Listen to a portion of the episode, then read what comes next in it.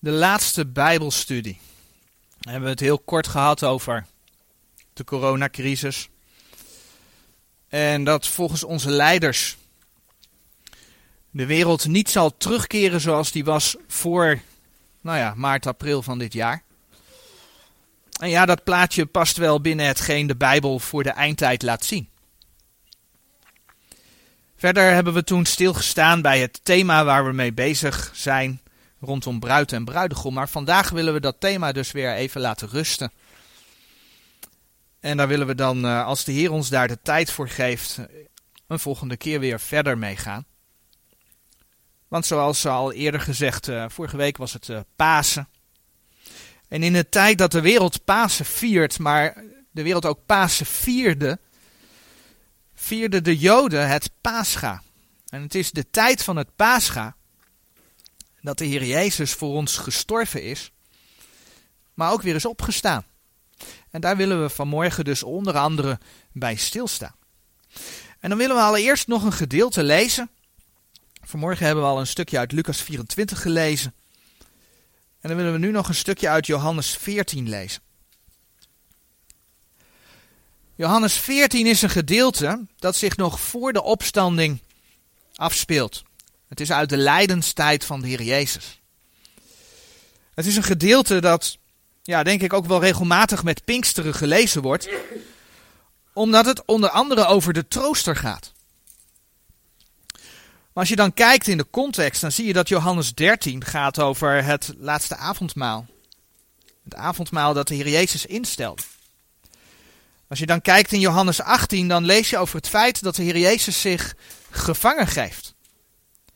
En dat betekent dus dat de hoofdstukken van Johannes 13 tot en met Johannes 17 zich waarschijnlijk afspelen in de opperzaal.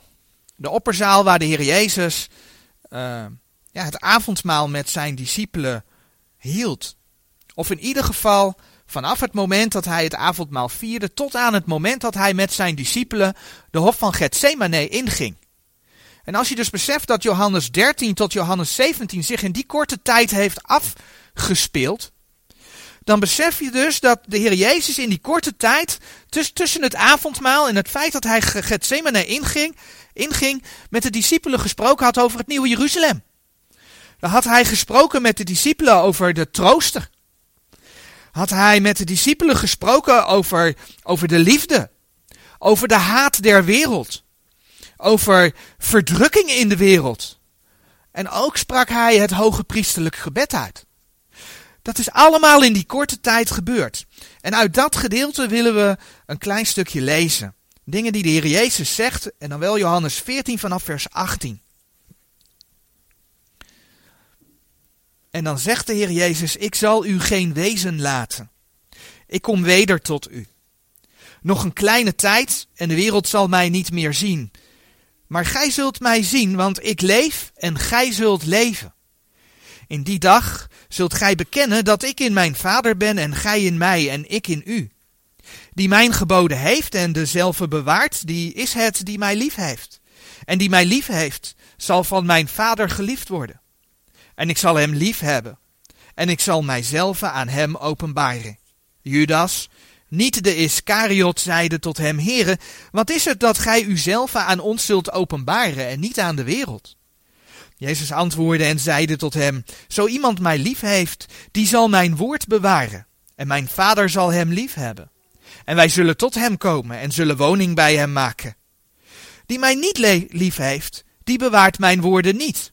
En het woord dat gij lieden hoort, is het mijne niet, maar des vaders die mij gezonden heeft. Deze dingen heb ik tot u gesproken, bij u blijvende. Maar de trooster, de heilige geest, welke de vader zenden zal in mijn naam, die zal u alles leren en zal u indachtig maken alles wat ik u gezegd heb. Vrede laat ik u, mijn vrede geef ik u. Niet gelijkerwijs de wereld hem geeft, geef ik hem u. Uw hart worden niet ontroerd en zij niet versaagd.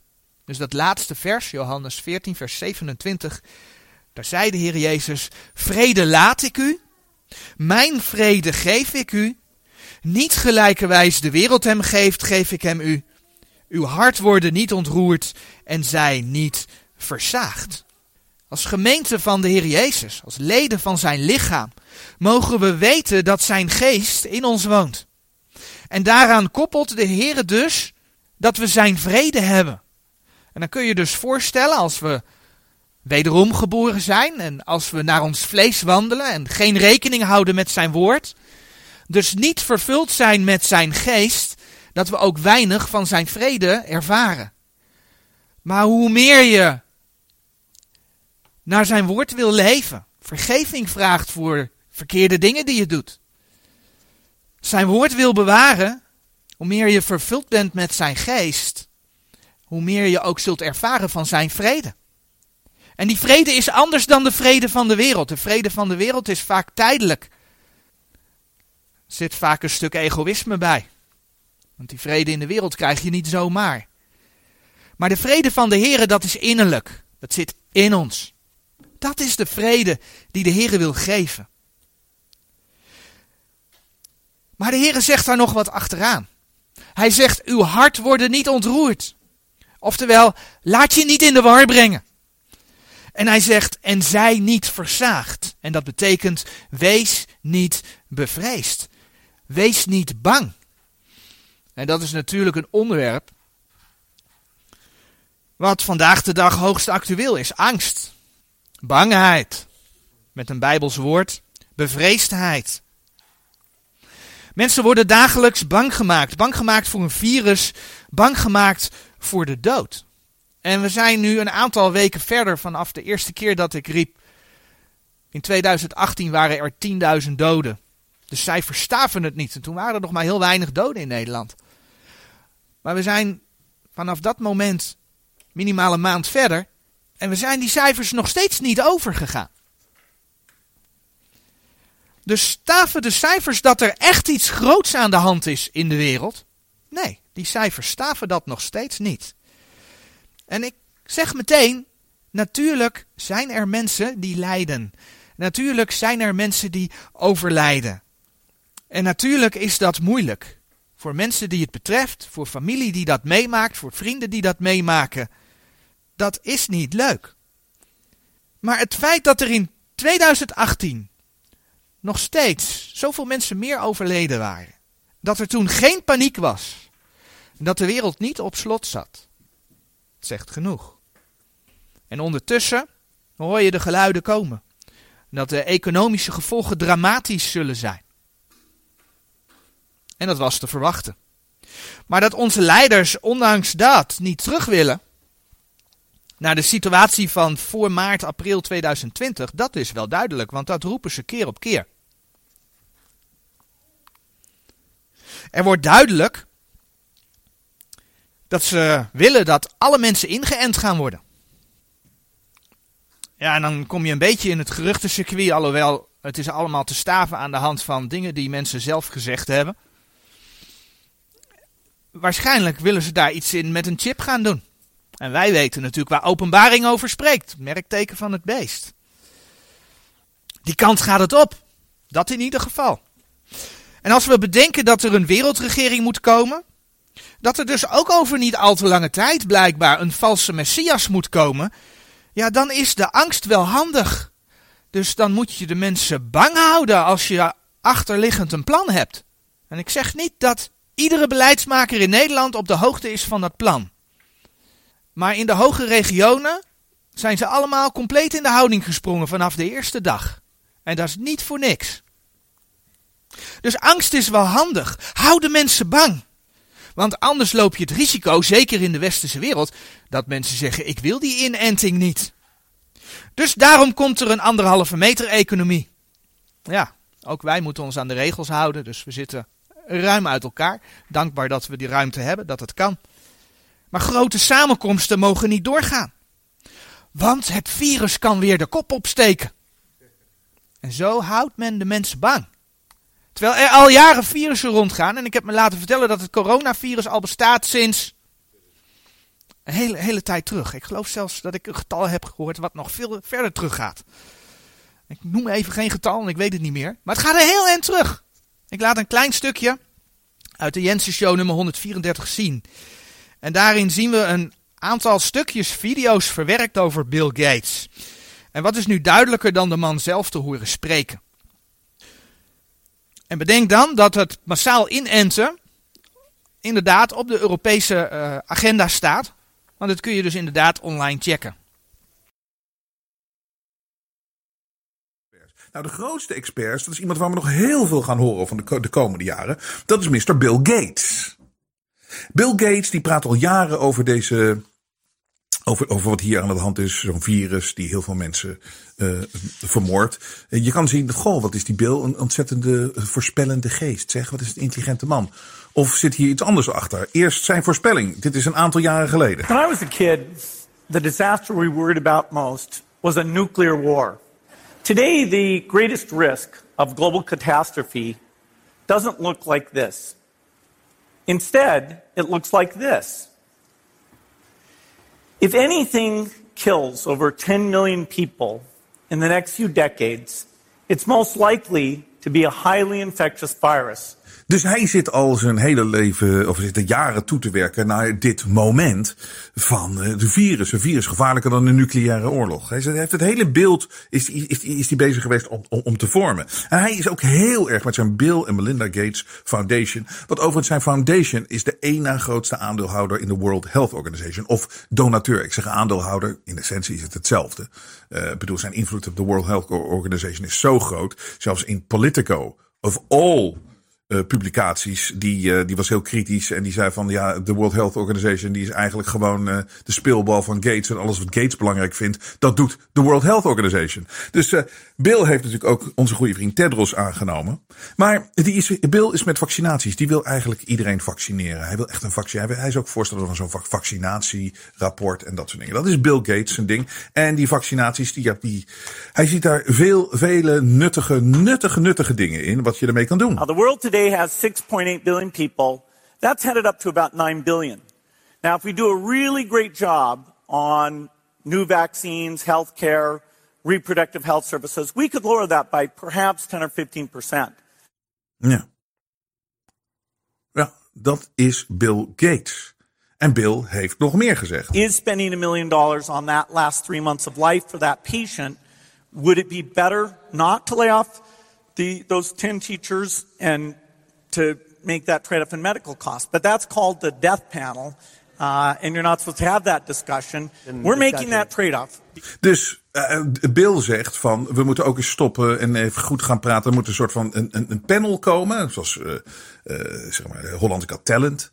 En die beslist of oudere mensen nog wel of niet geholpen kunnen worden. Want ja, we kunnen ook voor iedere drie maanden dat een oudere persoon nog blijft leven, kunnen we ook honderdduizend teachers aannemen uh, leraren. Dus hij vindt echt dat er een death panel uh, zou moeten komen. Daar is hij enorm voorstander van. Hij zegt het is nu nog wat controversieel, maar dat moet er gewoon komen. En hij roept ook constant van ja nee, we moeten nu in Amerika moeten we uh, binnen blijven en Trump moet het niet te vroeg opengooien en de hele wereld moet op slot vanwege dit coronavirus. Ten eerste omdat er moet een vaccin gemaakt worden. En ten tweede, als schuldgevoel geeft hij ook mee, we moeten dit doen voor de ouderen. Terwijl hij zelf degene is die zo, zo vaak en zo hard mogelijk roept dat ouderen eigenlijk te lang leven. En dat met vaccinaties dat we de bevolking naar beneden kunnen krijgen. En dat, uh, dat er een soort van death panel moet komen. En. Ja, tot zover. Even de stukjes van Bill Gates een beetje aan elkaar gepraat door, door Robert Jensen. Waarom ik dit ook laat zien, is omdat het zo duidelijk maakt in wat voor een leugenmaatschappij wij leven. De mensen wordt nu eh, op het gevoel gespeeld dat we rekening moeten houden met onze zwakkere, oudere medemens. Want dat is iedere keer wat je hoort.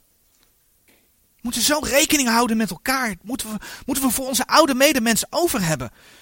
Terwijl dezelfde experts en leiders eigenlijk vinden dat er te veel mensen zijn. En dat er maar minder geld besteed moet worden aan de oudere mens. Zeker als ze ziek zijn. Het is niet voor niets dat de Bijbel laat zien dat de mens van nature leeft onder de overste van de macht der lucht. De God van deze wereld, zoals 2 Korinthe 4, vers 4 dat zegt. En dat is de duivel. En deze wordt niet voor niets in Johannes 8, vers 44 genoemd dat hij een leugenaar is en de vader derzelfde leugen. In veel kerken wordt dat ontkend, hè? want de Satan is nu gebonden. Vandaar al die ellende op deze aarde. Efeze 6 zegt dat we onze wapenrusting moeten aantrekken. Daar kom ik straks nog heel even op terug. Zodat we bijvoorbeeld de vurige pijlen van de boze kunnen uitblussen. Die boze is nog niet gebonden. Dat gaat nog gebeuren. Er is nog toekomst in het duizendjarige vrederijk. De duivel heeft van God de macht gekregen om de koninkrijken op aarde uit te delen. En ja, dan hoeven we er eigenlijk niet van versteld van te staan dat zo'n Bill Gates achter de schermen eigenlijk alle regeringen lijkt aan te sturen. Want daar lijkt het een beetje op. En meer zeg ik er even niet over. Dat is de leugen waar wij in leven. En door die leugen wordt de mensheid in angst gehouden. Om straks toch maar die inentingen van Bill Gates te nemen. Maar wat zegt dan de Bijbel over vrees? Wat zegt de Bijbel over angst? De Bijbel laat zien dat er, en dan bladeren we naar Jesaja 8, dat er twee soorten vrees zijn. En een gedeelte waar dat heel mooi uit blijkt, twee versen, is Jesaja 8 vers 12 en 13. Twee soorten vrees. En ja, de Heere zegt tegen ons, vrees niet.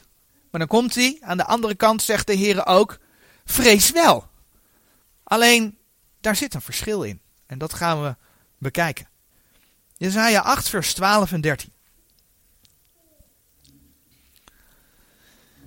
Gijlieden zult niet zeggen een verbintenis van alles waar dit volk van zegt het is een verbintenis. En vreest gijlieden hun vrezen niet en verschrikt niet. De Heere der Heerscharen, dien zult gij lieden heiligen, en hij zij uw vrezen, en hij zij uw verschrikking. Hier is duidelijk dat het volk van Israël een vrees heeft. Dat er een vrees is voor wat het volk wil. En die vrees is niet goed. En dan wordt er gezegd, de Heere zij uw vrezen. En dat laat dus zien dat je aan de ene kant de vrees des mensen hebt, maar dat je dus ook de vrezen Gods hebt.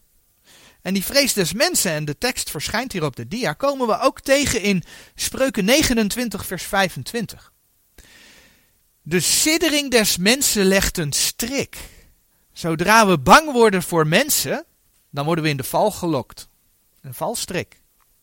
De siddering des mensen legt een strik, maar die op de Heere vertrouwt, zal in een hoog vertrek gesteld worden. Bangheid, gewoon Nederlands woord, vrees, bangheid, lokt je in de val. Ik noem een paar voorbeelden. Adam en Eva, die verstopten zich voor God na de zondeval. Na de zondeval waren zij bang geworden voor God. Zij vreesden de Heer en zij verstopten zich. Dat kun je lezen in Genesis 3, vers 8 en 10. Abraham. Er komt hongersnood. Wat doet Abraham? Abraham trekt naar Egypte. En wat bedenkt hij dan? Hmm, mijn vrouw is toch wel knap. Straks dan willen die Egyptenaren mijn vrouw hebben en dan doden ze mij. Weet je wat? Zegt hij tegen Sarah. Zeg maar dat je mijn zus bent. Kun je lezen in Genesis 12, vers 11 tot en met 13. Abraham is bang voor de Egyptenaren. En wat doet hij? Hij gaat liegen. En als je in Marcus 6 kijkt, vers 20, dan zie je dat Herodes. Herodes was, uh, was ook bevreesd. En uit vrees luisterde hij naar wat Johannes de Doper te vertellen had. En dan zie je dus, vrees kan ertoe leiden dat iemand zich bekeert, dat hij de Heer aanneemt. Maar vrees kan er ook toe leiden dat hij zich afschermt. En dat gebeurde bij Herodes. Want Herodes heeft niets met de woorden van Johannes gedaan. En uiteindelijk heeft Herodes ook uit vrees ervoor gezorgd dat Johannes de doper onthoofd werd. Dat kun je vinden in Marcus 6, vers 26. De dochter van Herodias, die vroeg op aanraden van haar moeder om het hoofd van Johannes. En ja, Herodes die had uh, net een belofte gedaan in het bijzijn van allemaal voorname mensen. Dat ze alles mocht vragen wat ze wenste.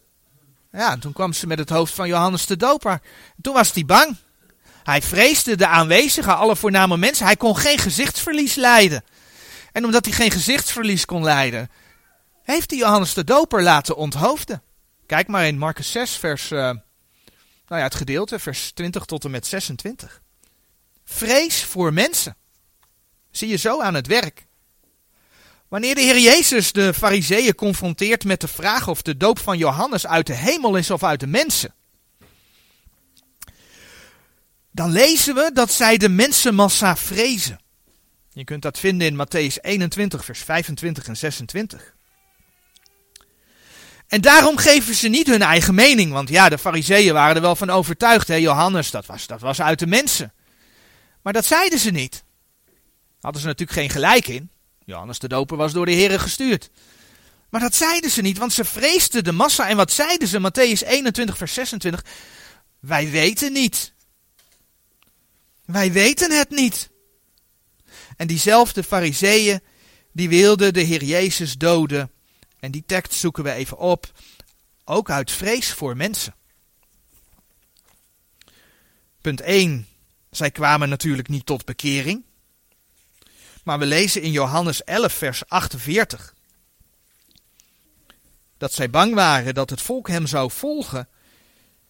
En dat de Romeinen zouden gaan ingrijpen. Johannes 11, vers 48. Indien wij hem al zo laten geworden, zij zullen alle in hem geloven. En de Romeinen zullen komen en wegnemen beide onze plaats en volk. Mensenvrees. En natuurlijk hè, moest de Heer Jezus voor onze zonde sterven. Moest gebeuren. Maar het was vrees, het was angst voor mensen dat ertoe leidde dat zij daardoor als instrument gebruikt konden worden. Daartoe als instrument gebruikt konden worden. Ander voorbeeld. Ondanks dat Pilatus wist dat de Heer Jezus onschuldig was, Johannes 19, vers 12, durfde hij hem niet los te laten. Weet je wat de Joodse leiders tegen hem zeiden? Hetzelfde vers, Johannes 19, vers 12. Indien gij deze loslaat, zo zijt gij des keizers vriend niet. Ja, ja. En hij was natuurlijk bang dat de keizer dat zou horen. En daarom gaf hij de Heer Jezus over om gekruisigd te worden. Vrees voor mensen. Vrees voor mensen leidt tot zonde. En dat is eigenlijk wat we vandaag de dag net even anders, maar ook zien gebeuren. Angst wordt als een instrument gebruikt om mensen te strikken. Om mensen in de val te laten lopen. Helemaal vrijwillig. Mensen zijn bang gemaakt voor een virus, eigenlijk voor de dood. En ze geloven alles wat er gezegd wordt. Ze geven graag hun vrijheden op. Ze vragen om de inentingen. Ze vragen om de app. We vinden het allemaal normaal dat we gevolgd gaan worden. Voor een paar maanden geleden kon je nog op YouTube dat filmpje zien hoe erg het in China was. Komt hier gewoon hoor.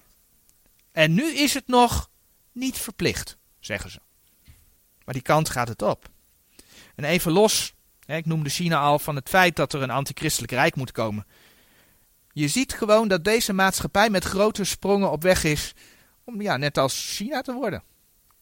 Dat zie je gewoon gebeuren.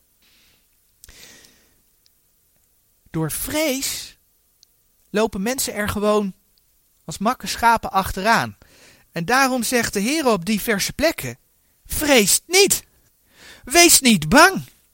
En die combinatie van woorden, vrees niet, komt 87 keer voor in Gods woord. De eerste keer dat we het lezen, komen we het tegen in Genesis 15, vers 1. Genesis 15, vers 1.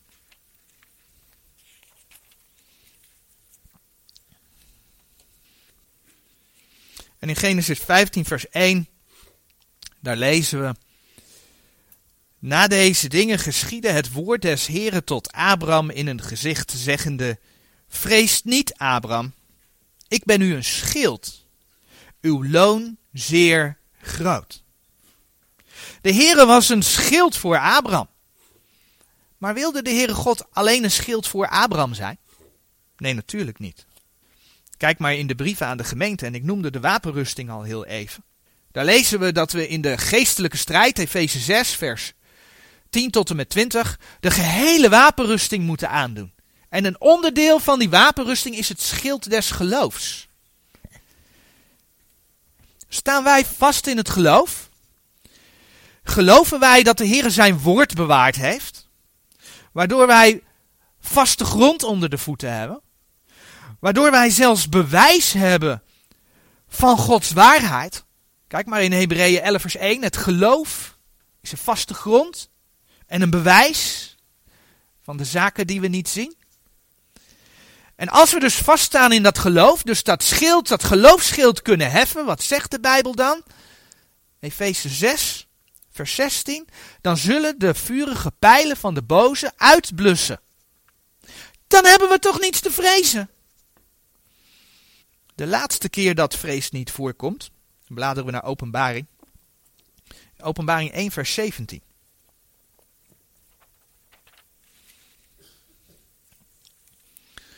Openbaring 1, vers 17.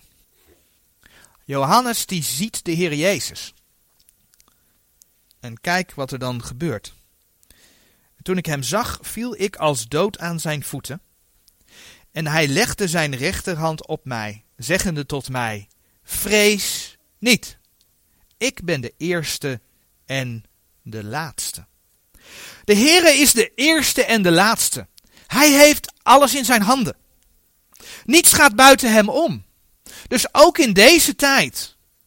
En zelfs als de dingen zullen gaan toenemen in heftigheid, geldt voor ons, vrees niet. Hij is de eerste en de laatste. In Romeinen 8 vers 15, de, de tekst verschijnt hier op de dia, daar staat, want gij hebt niet ontvangen de geest der dienstbaarheid wederom tot vrezen, maar gij hebt ontvangen de geest der aanneming tot kinderen, door welke wij roepen, Abba, Vader. Dus de Heilige Geest hebben wij niet ontvangen voor angst, voor vrees, maar we mogen zijn kinderen zijn. Mogen bij Hem komen. We mogen Vader tegen God zeggen. Abba, Vader. Een tekst waar we dat eigenlijk ook in vinden is 2 Timotheus 1 vers 7. 2 Timotheus 1 vers 7.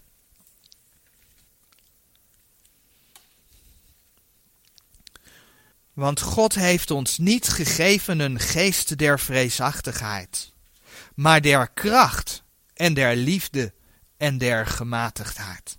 God heeft ons niet gegeven een geest der vreesachtigheid. En toch is dit niet het hele verhaal. Want de Bijbel laat dus zien dat er een vrezen Gods is. Een vrezen die ja wel een eigenschap van de gelovigen hoort te zijn. En dat verschil wordt bijvoorbeeld duidelijk in Exodus 20, vers 20. Exodus 20, vers 20, waar de Heere God aan Israël de wet voorhoudt. En dat is zo indrukwekkend, wat ze dan meemaken, dat het volk aangeeft dat ze niet zelf met God willen spreken, maar dat Mozes voor hen met God moet spreken. En wat zegt Mozes dan tegen het volk? In Exodus 20, vers 20. En Mozes zeide tot het volk: Vreest niet, want God is gekomen opdat hij u verzocht en opdat zijn vrezen voor uw aangezicht zou zijn, dat gij niet zondigdet. Dus aan de ene kant zegt de Heer, vrees niet. Maar aan de andere kant zegt hij wel dat zijn vrezen voor uw aangezicht zou zijn. Nu lezen we in het Oude Testament dat de mensen opgeroepen worden om de Heer te vrezen. En dat, dit is niet de enige plek. Kijk maar in uh, Jozua 24. Jozua 24. Vlak voordat Jozua sterft mag hij onder andere vers 14 tegen het volk spreken. En nu vreest de Heere en dient hem in oprechtheid en in waarheid en doet weg de goden die uw vaders gediend hebben aan gene zijde der rivier en in Egypte en dient de Heere. En nu vreest de Heere.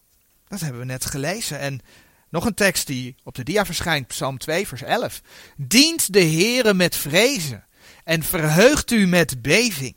En zo zijn er veel meer teksten aan te wijzen waarin over de vrezen des Heren gesproken wordt. En is dat dan alleen het Oude Testament? Nee, dat komen we ook in het Nieuwe Testament tegen. Laten we Handelingen 9, vers 31 opzoeken.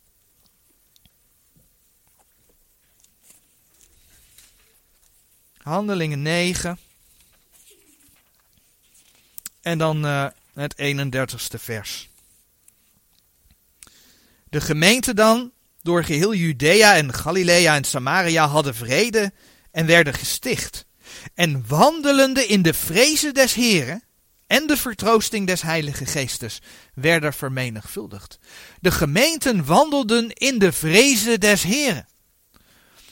En een volgende tekst verschijnt er op de dia. Zo mag Paulus zeggen tegen de gemeente. Dus in de brieven komen we het ook tegen. Elkander onderdanig zijnde in de vrezen Gods. En misschien dat er dan iemand zegt: ja, maar moeten wij dan bang zijn voor de Heer God? al gauw wordt er dan gezegd: denk aan de alverzoening, die bijvoorbeeld de hel helemaal wegredeneert uit de Bijbel. Dat mensen niet uit angst moeten gaan geloven. En dat mensen bijvoorbeeld dan maar niet over de hel moeten praten. Het gevolg is dat je in nieuwe vertalingen ziet dat het woordje vrees vaak ook weggehaald wordt. Als het om de Heere God gaat. Ik heb hier Efeze 5 vers 21 staan. Ik plaats de NBV-tekst. De nieuw bedorven versie. Eronder. Aanvaard elkaars gezag uit eerbied voor Christus. Je ziet dat vrezen vervangen is door eerbied. De meest nieuwe variant, bijzonder giftige tekst, de BGT. Wees gehoorzaam aan elkaar uit eerbied voor Christus. Vrees is weg, eerbied is ervoor in de plaats. En dat zie je meer gebeuren. Vrees haalt men weg en men plaatst er eerbied hebben voor of een andere combinatie ontzag hebben voor, voor in de plaats. Maar is dat hetzelfde? Is eerbied hebben voor, is ontzag hebben voor, is dat hetzelfde als de vrezen God? Het punt is dat je ontzag en eerbied voor iemand kunt hebben zonder dat dat effect op jezelf heeft. Zonder dat je bijvoorbeeld beeft. Maar Paulus die beschrijft dat hij bijvoorbeeld vreest en dat hij dat zelfs bij mensen had. En daar wil ik dan beginnen. En dan zie je dat Paulus als hij vreest dat hij ook beeft. 1 Korinthe 3 vers 2 vers 3.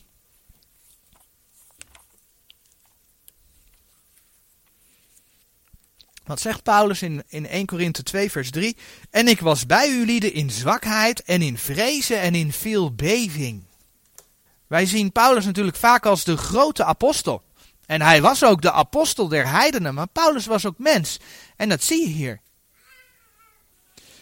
In Filippenzen 2, als we iets verder bladeren, vers 12, daar zegt de apostel.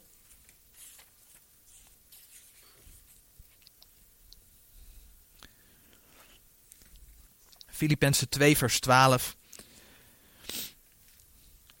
Alzo dan, mijn geliefde, gelijk gij alle tijd gehoorzaam geweest zijt, niet als in mijn tegenwoordigheid alleen, maar veel meer nu in mijn afwezen, werkt uw zelfzaligheid met vrezen en beven.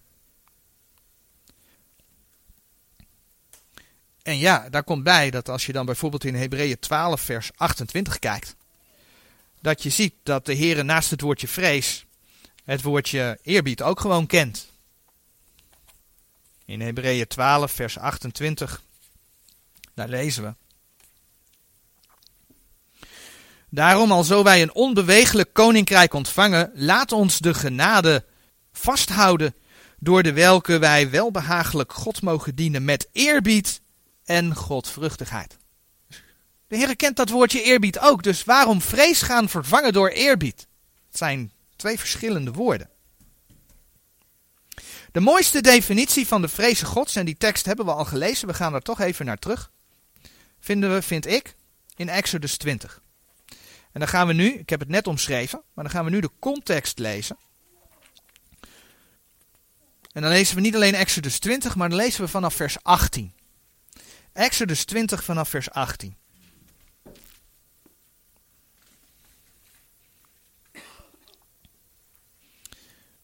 En al het volk zag de donderen en de bliksemen en het geluid der bazuin en de rokende berg. Toen het volk zulk zag, weken zij af en stonden van verre.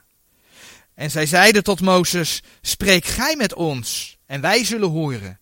En dat God met ons niet spreken, opdat wij niet sterven. En Mozes zeide tot het volk, vreest niet. Want God is gekomen opdat hij u verzocht, en opdat zijn vrezen voor uw aangezicht zou zijn, dat gij niet zondigdet. Dit is niet een gewoon ontzag hebben voor. Dit heeft wel degelijk te maken met een vorm van angst. God is zo groot, God is zo geweldig, dat als wij ook maar iets van hem meekrijgen, dat wij niet uit onszelf maar kunnen blijven staan. En een vrolijk praatje met te maken. Dat hoor je nog wel eens. De mensen dat dan zeggen, ik heb God gesproken. En dat was zo fijn. Moet je kijken wat het doet met het, met het volk van Israël. Als we iets van God meekrijgen, dan deinzen wij terug voor zijn almacht en grootheid. Dan gebeurt hetzelfde als wat de herders overkwam. Toen de engel hen de geboorte van de Heer Jezus aankondigde, Lucas 2 vers 9, op de dia. En zie een engel des Heren stond bij hen en de heerlijkheid des Heren omscheen hen.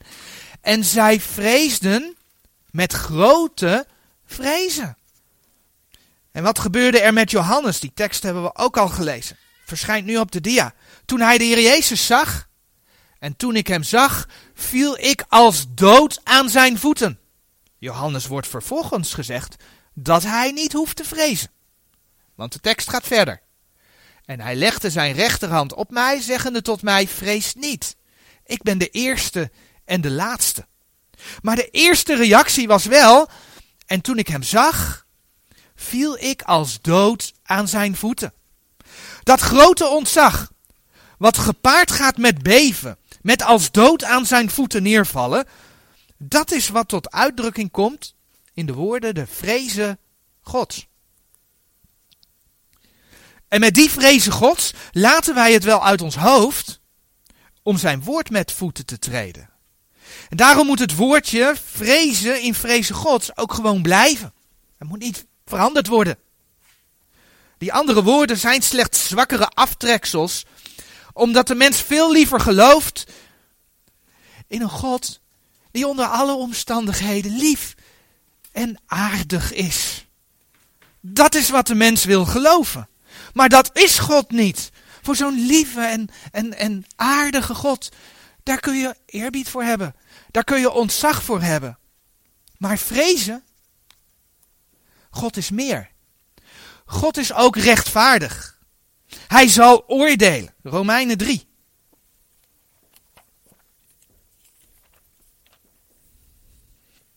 Romeinen 3, vers 19.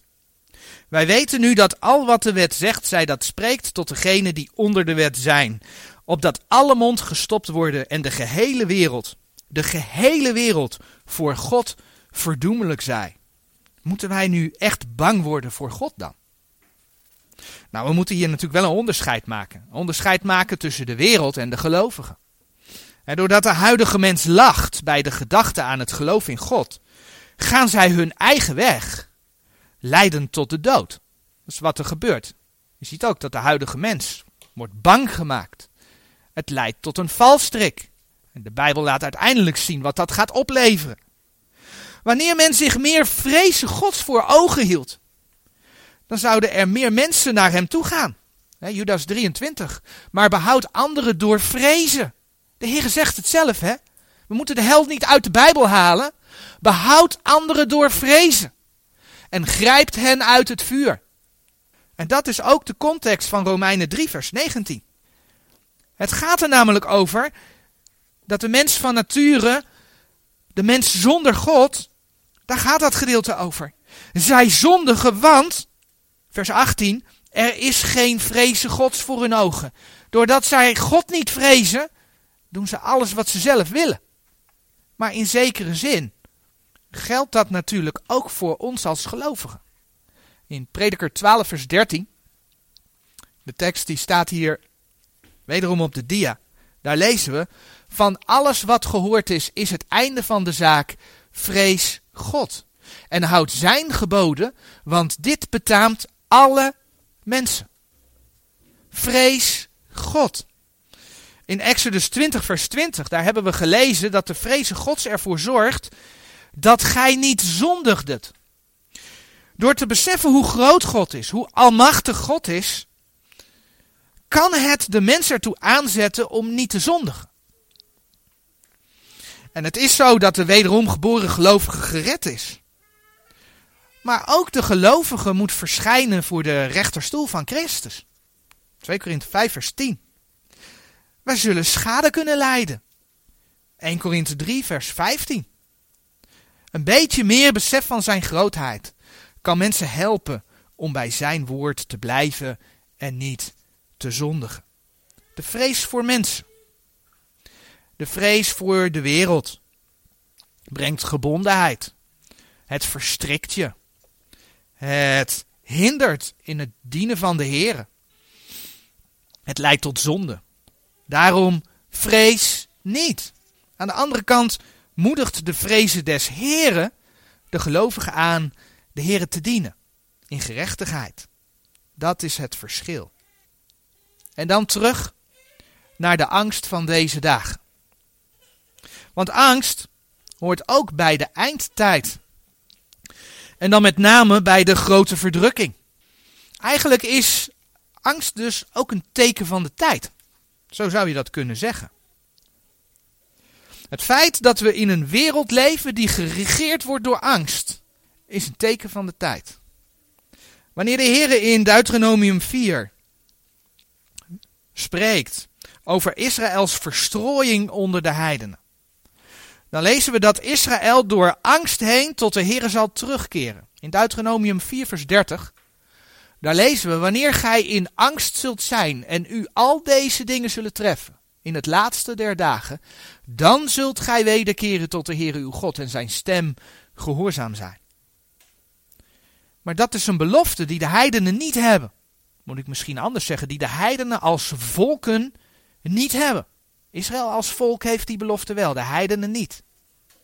En als we dan in Jezaja kijken, Jezaja 13, vers 11 tot en met 14, dan lezen we.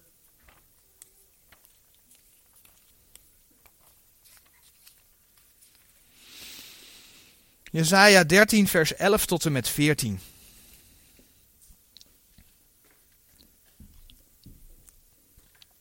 Want ik zal over de wereld de boosheid bezoeken, en over de goddelozen hun ongerechtigheid.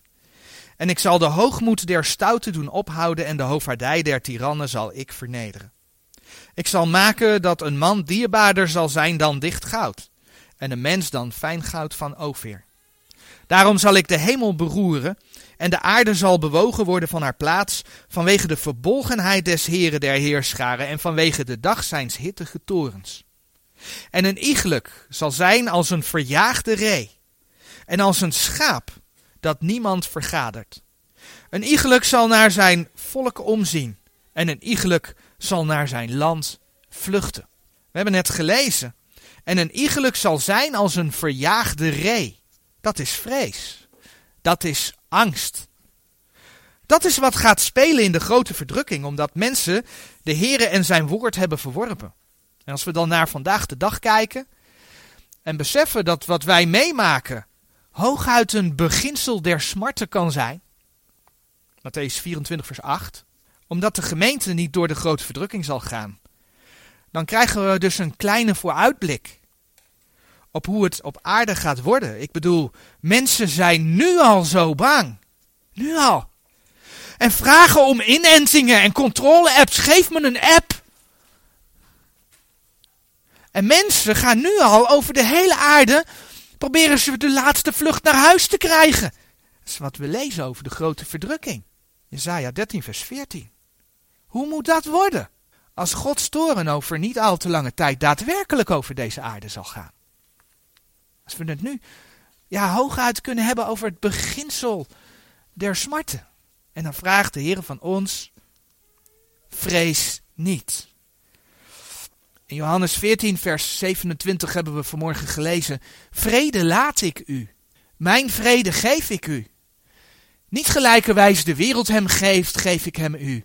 Uw hart worden niet ontroerd en zij niet verzaagd. Laat je niet in de war brengen, wees niet bang. Ja, we moeten de Heere vrezen. Maar niet, op, niet, niet de wereld, niet de mensen om ons heen. Wees niet bang. Laten we op onze Heere vertrouwen. Net zoals David. Psalm 56. Toen hij door de Filistijnen gegrepen werd. Psalm 56. Vers 3.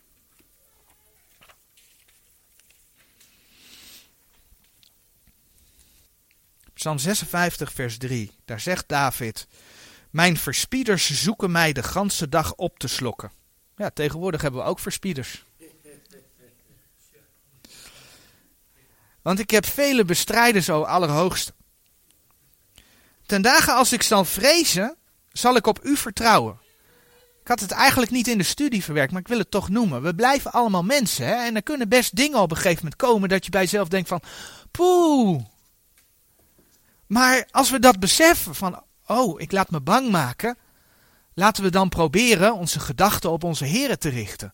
Dat Hij tegen ons zegt, vrees niet. Psalm 56, vers 4. Ten dagen als ik zal vrezen, zal ik op u vertrouwen.